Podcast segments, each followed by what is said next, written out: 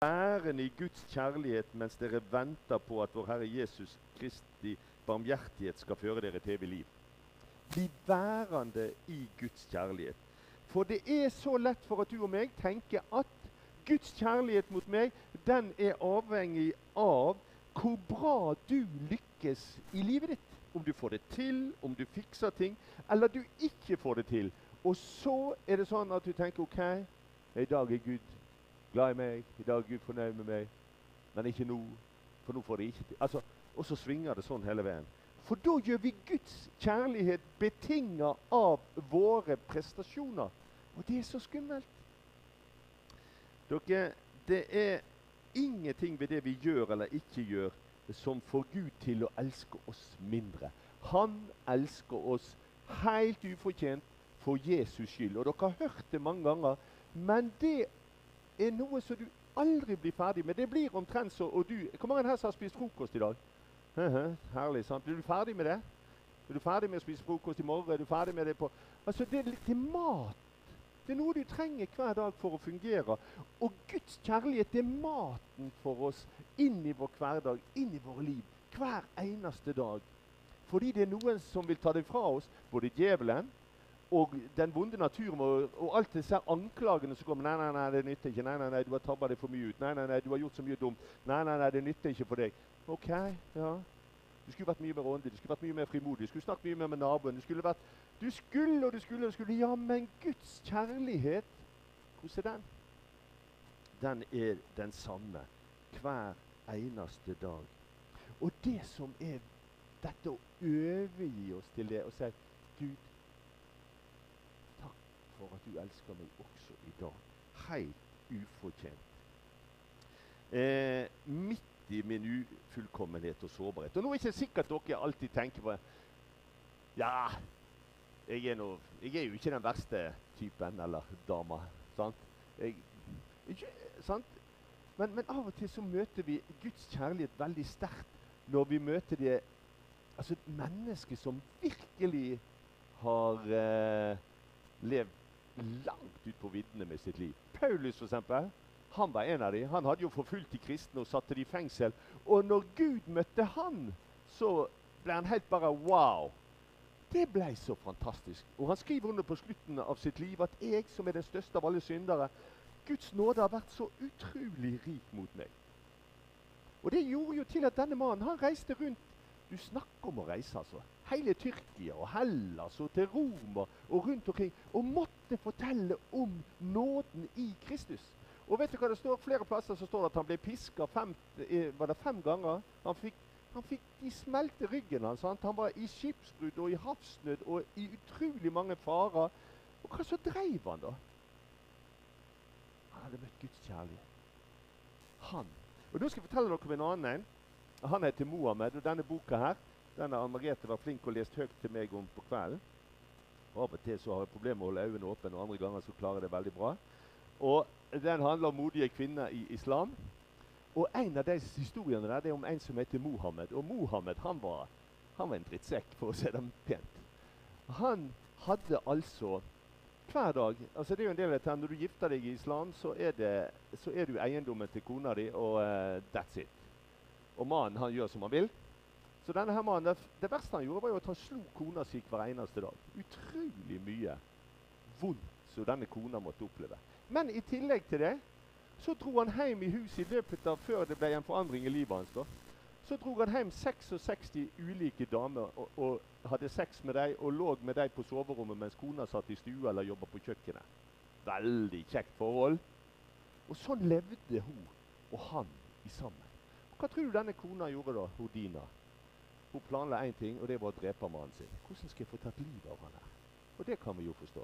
Men hun diskuterte det med søstera. Skal vi bruke gift? Skal vi skyte han? Hva gjør vi? Det er ganske heftig. Dette her er ikke, dette her er, eh, denne boka kom ut i fjor. Dette er fra Syria. Men så eh, begynner det å skje noe med denne her mannen. her. Han begynner å få drømmer om det, det kommer lys, det er en mann som kommer til han i drømmer. Og han begynner å ane at dette er Isa, Jesus. Og så, og så bare tenker jeg Jesus, hva i all verden får deg til å bry deg om en sånn fyr? Hadde du gjort det? Så kommer Jesus. På en eller annen måte, Som gjør at han begynner å ta denne boka og lese i den boka. Og, begynner å, og så, se, så begynner Gud å snakke til ham. Han er jo muslim. De andre må jo ikke vite om dette her. Det som skjer egentlig oppi dette, her, det er at han samtidig melder seg til IS for å gå i strid for deg i Syria. Og da tenker kona å, takk og lov, da vet jeg at han dør. Sånn? Så slipper jeg å gjøre det sjøl. Og når mannen stikker ut i krig, eh, så kommer han ikke så langt. For det er krigsherjinger i byen her, så det at de må ta tilflukt i en kjeller. Og der er mye som skjer der. Eh, der, er, der, må de skjule seg i ti dager. Og i den perioden så kommer det òg denne mannen som han har møtt i drømme. Og gir dem mat. Setter mat utenfor ene eh, vindus, vinduet inn til den kjelleren der de har gjemt seg. Når mannen da kommer ut igjen, og det begynner å skje mer og mer i livet til denne, så går han, så går han og oppsøker svigerforeldrene, for der vet han at kona er. Og når han kommer på døra, så blir jo hun liksom hun blir ikke akkurat glad, for å si det sånn. Hun tenkte 'Å nei, lever? Og så, og så kommer han inn der, men hun merker at det har begynt å skje noe med denne mannen. Hva som har skjedd med mannen? Og mannen begynner å oppføre seg på en helt ny måte imot henne. Og Jeg skal bare lese litt når han etter hvert sier Nå skal du høre hva han sier til henne. Han sier følgende eh, Så etter alt det, etter å ha lest i Bibelen i månedsvis, og etter å ha vært sammen med ekte troende som helhjertet følger Jesus Han begynte å søke opp kristent fellesskap. Så Blikket var festa på kona. Jeg ga mitt liv til Jesus, Dina. Det har, han har tilgitt meg. For første gang i sitt ekteskap talte Dina Hadda til mannen sin fra sitt hjerte. Ordene var enkle og klare. 'Jeg vil aldri tilgi deg'. De to så på hverandre i taushet et langt minutt. Så fortsatte Dina. 'Du har virkelig klart det nå, Mohammed, hva? Du er tilgitt. Så fint for deg.'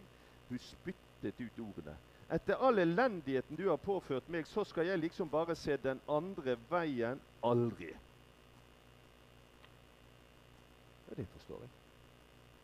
Men så ser hun det at denne mannen eh, Du snakker om ord. Det var ikke så mye ord, for nå skal du høre hva han sier. Jeg visste at jeg ikke ville overbevise henne om Jesus med ord, siden hun hadde sett meg lyve i årevis. Hele livet mitt var en løgn. Men så tok Jesus over. Jeg ba om at Gud ville gjøre meg til en god ektemann. En ordentlig ektemann slik jeg leste om i Det nye testamentet. Og det gjorde han. Jeg forelsket meg i Dina, og jeg hadde så lyst til å fortelle henne at jeg elsket henne, men jeg visste at hun ikke ville klare å ta imot de ordene. Ikke ennå. Jeg begynte til og med å be til Jesus før middag. Jeg takket ham alltid for Dina og for de to herlige barna våre. Og så, etter åtte måneder hun ser en forandring i mannen. Hun lurer på hva som skjer. Så en gang han har gått til undergrunnskirka der han møter andre kristne, så en time etterpå så kommer også kona inn. Og Så begynner hun å høre fra Bibelen og møte et kristent fellesskap. Så går det fire måneder til, og så tar hun imot Jesus, også Dina. Og så Nå lever disse to i en flyktningleir i Libanon. Og hva er det de er opptatt av der? Jau, det er nettopp det å dele evangeliet med, om Guds kjærlighet, om Guds tilgivelse, midt i en, i en uh, muslimsk uh, flyktningleir, der de lever med livet som innsats. Jeg tror Dina og jeg vil dø pga. dette, sier han. Vi forventer å bli drept fordi vi elsker Jesus og forlot islam. Vi forventer å bli martyrer for Jesus. Men Jesus har gjort så mye for oss. Han har tilgitt meg alle mine synder og min, mitt motbydelige liv. Han ga meg en vakker, kjærlig kone i Dina, også, men som også har tilgitt meg. Så får jeg en liten sitat til etterpå. Altså, Hva er det som kan forandre mennesker, folkens? Guds kjærlighet. Og så spør jeg, hva er det som forandrer ditt liv? Hva er det som gjør at du sitter her? Du er ikke noe Mohammed, tror jeg. Jeg tror ikke noen av dere er i helt den klassen. Men du har mer enn nok i ditt eget liv bak den fine fasaden din, inn i ditt hjerte, så bor det så utrolig mye som Gud har tilgitt for Jesus skyld. Og det er så utrolig stort. Vi behøver ikke være noe annet enn oss sjøl for å trenge nåde og tilgivelse og kjærlighet inn i våre liv. Neste gang så skal vi tale litt om det som kan ødelegge dette kjærlighetsforholdet til Jesus. Eh, vi kom innom det ordet som heter forsakelse. For et kjærlighetsforhold det handler om å si ja til en. Men sier du ja til en, så handler det òg om å si nei til noe annet som vil ødelegge det forholdet. Men i dag, i dag så skal vi ha fokus ikke på det vi skal si nei til, men det vi skal si ja til og prioritere, nemlig det som er godt for andre, og som òg er godt for oss sjøl. Og det er det Jesus vil med sin kjærlighet. Akkurat som han velsigna Abraham, så vil han velsigne andre gjennom deg. Og dere, For det er nettopp det som kjennetegner kjærligheten. Hvordan kan jeg leve? Hva kan jeg si? Hvordan kan jeg oppføre meg sånn at andre kan møte den samme kjærlighet? Andre kan kjenne seg elska og sett midt i sine liv. Og ingen av oss makter det helt. Og når du var inne på det du fortalte, og som sa, kanskje ikke si så mye, men, men, men om altså, eh, Hvordan var det du sa det, eh, Torleif? Ikke å snakke nødvendigvis, men å handle som. Ikke om Jesus, men som Jesus. Mm. Og det er noe av dette. sant? Eh, og så kjenner vi at vi kommer til kort. Gjør vi ikke det? Og igjen så fører Gud oss tilbake, og så sier han i 1. Johannes brev kapittel 4 vers 10-11 Ja, dette er kjærligheten, ikke at vi har elsket Gud, og heller ikke vår neste som oss sjøl, men at Han har elska oss og sendt sin sønn til soning for våre synder. Mine kjære, har Gud elsket oss slik, da skylder også vi å elske hverandre. En av de viktigste tingene vi gjør ved å leve ut Guds kjærlighet i våre liv, det er å tilgi. Og Det er det mest frigjørende og beste medisinen. Jeg har gått på noe som heter prednisolon med alle sine bivirkninger. Det er sånn Tilgivelse er så mye bedre. Selv om den andre medisinen virker bra. Men tilgivelse Vet du hva det står? Vær gode mot hverandre. Vis medfølelse og tilgi hverandre slik Gud har tilgitt dere i Kristus. Altså, Nå skal du høre hva Odina sier. Hun sier det sånn eh, når hun blir intervjuet. sier det at eh, Jeg har lært to viktige ting siden jeg kom til tro på Jesus. Én. Jesus tilga meg min, syndene mine, og det var mange av dem. Hvordan kan jeg da nekte å tilgi andre, inkludert mannen min? Folk hører historien min, og de fatter ikke at jeg tilga Mohammed, og at jeg fortsatt er gift med han. Men de har ikke opplevd den enorme kraften i Jesu tilgivelse. Det er ganske sterkt. Men sånn er Guds tilgivelse. Og så sier hun en ting til. Det andre var lært. som kristne tror vi at Jesus gjør mirakler som forandrer liv. I syndens svarte mørke skinner Jesu lys klart, og mirakler er Guds måte å åpne våre øyne på, slik at vi ser at Han vil frelse fortapte mennesker. Men fortsetter vi å være på utkikk etter å søke Hans mirakelgjørende kraft når hverdagen kommer, etter at vi har funnet sannheten i Guds ord og følger Hans bud? Vi må huske på andre. Vi må dele evangeliets gode nyheter med dem som ennå ikke har gitt sitt liv til Jesus. Det er merkelig med Guds kjærlighet, folkens. Hvordan den jeg, gir òg tilgivelsen videre. Og Det å elske hverandre det er ikke først og fremst gode tanker og følelser. Jeg er så glad for at Gud ikke satt i himmelen og bare ting syntes synd på oss. Men han steg ned, sånn som vi så i denne lille filmen, og ble menneske. Tenk på det. da Guds sønn, han som har skapt himmel og jord, blir menneske, fornedrer seg sjøl for å tjene deg og meg med sitt liv og sin død og sin oppstandelse. Så høyt det du elsker at Gud ikke bare satt og følte varme i sitt hjerte, men han handla, og så gjorde han noe. Og så ble han lydig inntil døden på korset for vår skyld, fordi han elsker deg. Dere kjenner vår Herre Jesu Kristi nåde. Enda han var rik, ble han fattig for deres skyld, så dere skulle bli rike ved hans fattigdom. Tenk at Gud ga livet sitt for det. Bare smak litt på det. Gud ga livet sitt for det. Det sier noe om hva du betyr for. For gjerne han vil ha deg hjem til seg. Og Vet du hva sammenheng dette verset at han ble fattig da han var rik? Vet du hva sammenheng det satt i? Om å gi i givertjeneste. Om å gi av pengene våre til mennesker som har det vanskelig. Så, og det er litt interessant hvordan Guds kjærlighet og nåde Hvis du vil leve det ut, så bruk pengene dine for Gud.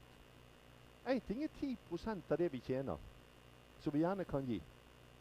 Men en annen ting er de 90 andre prosentene, da. Er det dine, eller er det Gud sine, det òg? Er du litt med på tanken? Alt vi eier, alt vi har, er gave fra Gud. Og når vi har møtt Guds kjærlighet, så sier vi her er pengene mine òg, Gud. Hvordan vil du jeg skal bruke det? Hvordan vil du jeg skal bruke eiendommen min? Det jeg eier, det jeg har. Hvordan kan det være med å tjene deg, Gud? Fordi du har vist meg en sånn kjærlighet. Og dere som spiller fotball, gutter, jeg syns det er så herlig å se dere. Så kan dere si Gud, hvordan kan jeg ære deg ved å spille fotball? Kan det merkes at jeg tror på deg ved å spille fotball? Ja, det tror jeg. Hvordan spiller jeg fotball? Kjører kjempeglisetaklinger? Nei da.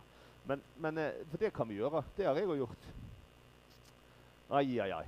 men det verste er ikke av og til når vi gjør ting som ikke er Men det er det der når vi Men av og til så må vi jo si unnskyld eller tilgi. Sånn. Så kommer du tilbake til tilgivelsen.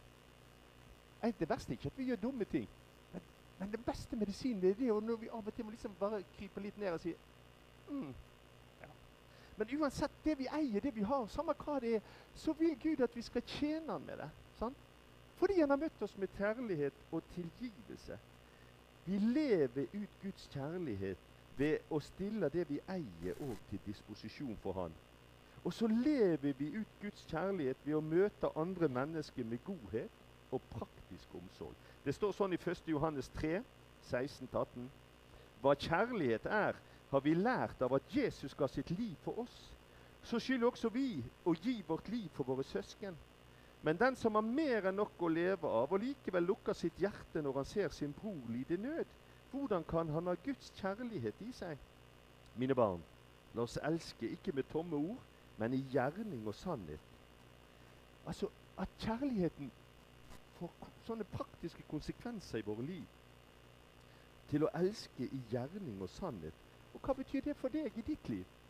Altså, Du bør ikke kopiere andre, men det, der, det livet du lever, så kan du se hvordan kan mitt liv bli prega slik at det tjener Gud i gjerning og sannhet med mitt liv? Jeg vet ikke, jeg, synes, jeg har ikke hatt noe med dette her å gjøre. Men jeg oppdaget det her i går. Så fikk vi en liste på bedehuset i Balestrand. Så kan dere skrive dere opp? Det kommer antagelig 50 ukrainske flyktninger til Balestrand snart.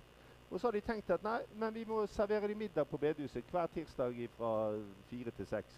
Har de ønske om å få til. Så må du spørre kan dere være med. Skriv dere opp på liste og, og, bidra på en eller annen måte. Noen kan kjøre og hente, kanskje noen de kan lage mat. noen kan. Så det, åh, Fantastisk at noen har tenkt på det, tenkte jeg. Fordi at de ønsker tror jeg, å omsette Guds kjærlighet i praksis inn i sitt nærmiljø. Og så tenker jeg også, Men samtidig så må vi finne vår vei inn i det. sant? Vi er veldig forskjellige, vi som mennesker òg.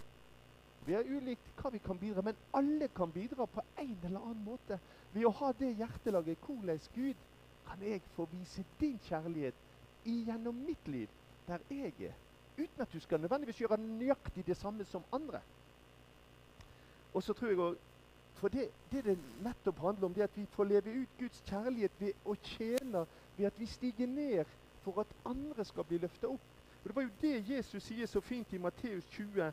Hør disse nydelige ordene. Men Jesus kalte dem til seg og sa:" Dere vet at folkenes fyrster undertrykker dem, og stormennene deres styrer med hard hånd. Men slik skal det ikke være blant dere. Den som vil være stor blant dere, skal være tjeneren deres. Og den som vil være først blant dere, skal være slaven deres. Slik er heller ikke menneskesønnen kommet for å la seg tjene, men for selv å tjene og gi sitt liv som løsepenge for mange. Og du ser det så sterkt siste kveld før Jesus dør. Så stiger han ned, og så vasker han føttene til disiplene. Og det synes vi skjønner ikke hvor, hvor egentlig ja, Det var en skikkelig skittjobb. For det ble bare slaver som gjorde sånt. Ikke engang jødene gjorde noe sånt. Det var for simpelt å vaske beina til folk. Og så kommer mesteren Jesus, og så står det at han hadde elska dem, og slik som han hadde elska dem, elska de til det siste. Og så begynner han å vaske føttene deres, og de sitter der Hva er det han driver med, denne Jesus? Og så sier Jesus videre Jeg har gitt dere et forbilde. Slik som jeg har gjort mot dere, skal også dere gjøre. Et nytt bud gir jeg dere. Dere skal elske hverandre som jeg har elsket dere. Slik skal dere elske hverandre. Og Da handler det om at vår tjeneste først og fremst er hvordan kan jeg løft, gjøre noe for andre? Og tjene andre. Og sette andre først. Eh, Josef Jeg har nettopp lest om han, men, men jeg må bare nevne han. var jo fantastisk på dette. her. Skjønner, han, må, han, levde i den gamle pakt. Ikke hadde han Bibelen på samme måte, men i hvert fall så var han Han hadde en måte å være på. Husker dere han? Han som ble solgt av brødrene sine som slave til Egypt. Og når han blir solgt dit, så kommer han her, eller han blir sendt dit, så kommer Potifar og kjøper han. Og hva gjør Josef når han blir kjøpt av en hedensk mann som slave? Han begynner å tjene i Potifar sitt hus på en sånn måte at Potifar han, han sitter nærmest og måper. Hva så feiler han mannen der? Han går ikke rundt her og bare gjør det han akkurat skal. Eller han går ikke rundt her og banner og steiker, men han går rundt her fordi han, han gjør jo godt imot de andre tjenerne og meg. Og så får han en tillit til Josef som gjør at han setter han over hele huset sitt. Bortsett fra eh, maten. Den, den spiste han sjøl. Og så kommer kona til Potifar og sier Josef å, jeg, eh, jeg, vil ha sex med deg. Flere ganger fristår.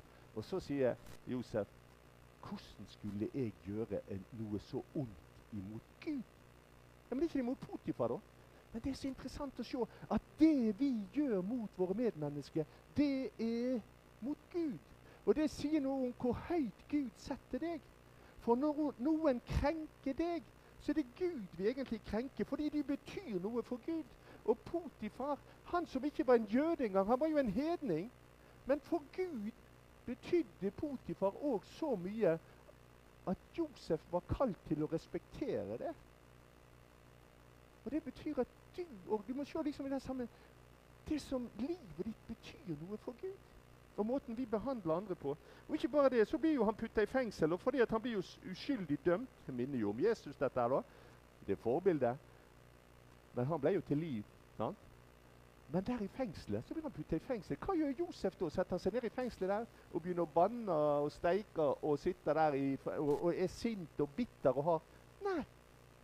Da begynner han å tjene i fengselet. Hva er det som skjer? Og så blir han satt til å forvalte i fengselet. Det er ganske sterkt å lese fordi jeg tror han må ha møtt Guds kjærlighet og tilgivelse. Og det førte til at uansett hvor han var, om han var høyt oppe f.eks. hos Potifar, eller han satt i et fengehull, så var det én ting. Hvordan kan jeg tjene disse menneskene jeg har rundt meg? Det er litt av det du var inne på. sant? Et eksempel fra i dag. Nå, var vi jo to, eh, nå er vi nesten 4000 år tilbake i tid. Men vi skal ta med et UiO-team som var i en park i Aten nå i denne her krigen i Syria. Og så er det ei jente og noen andre der. Så hvordan kan vi få lov til å bety en forskjell inn i den flyktningleiren som nå er i Aten? Dette er noen år siden kanskje fem år siden. Og så ber denne jenta følgende bønn. La meg få bety en forskjell her og få vise din kjærlighet til menneskene rundt meg. La meg få bety en forskjell her og vise din kjærlighet til menneskene rundt meg. Kan du ta den bønnen med deg om ikke du husker noe annet? Hva gjør hun da? Ja, står det. Hun ble leder til og vaska et fullstendig grisete fellestoalett blant flyktningene. Det var ingen som brydde seg om å gjøre noe sånt. Men den jenta der, hun begynte å vaske et do. Som, og du vet jo hvor kjekt det er, kan du tenke deg. Og så kommer det en mann forbi, og så blir hun litt redd. For disse muslimske mennene de er jo ofte litt sånn kledd og skjegg og ser litt borsk ut. Og så sier hun det at eh, Sier han mannen, 'Hvorfor vasker du?' Og så sier hun, jeg er kristen og vasker fordi jeg vil at Guds kjærlighet skal bli synlig her. Jeg vasker for at Guds kjærlighet skal bli synlig.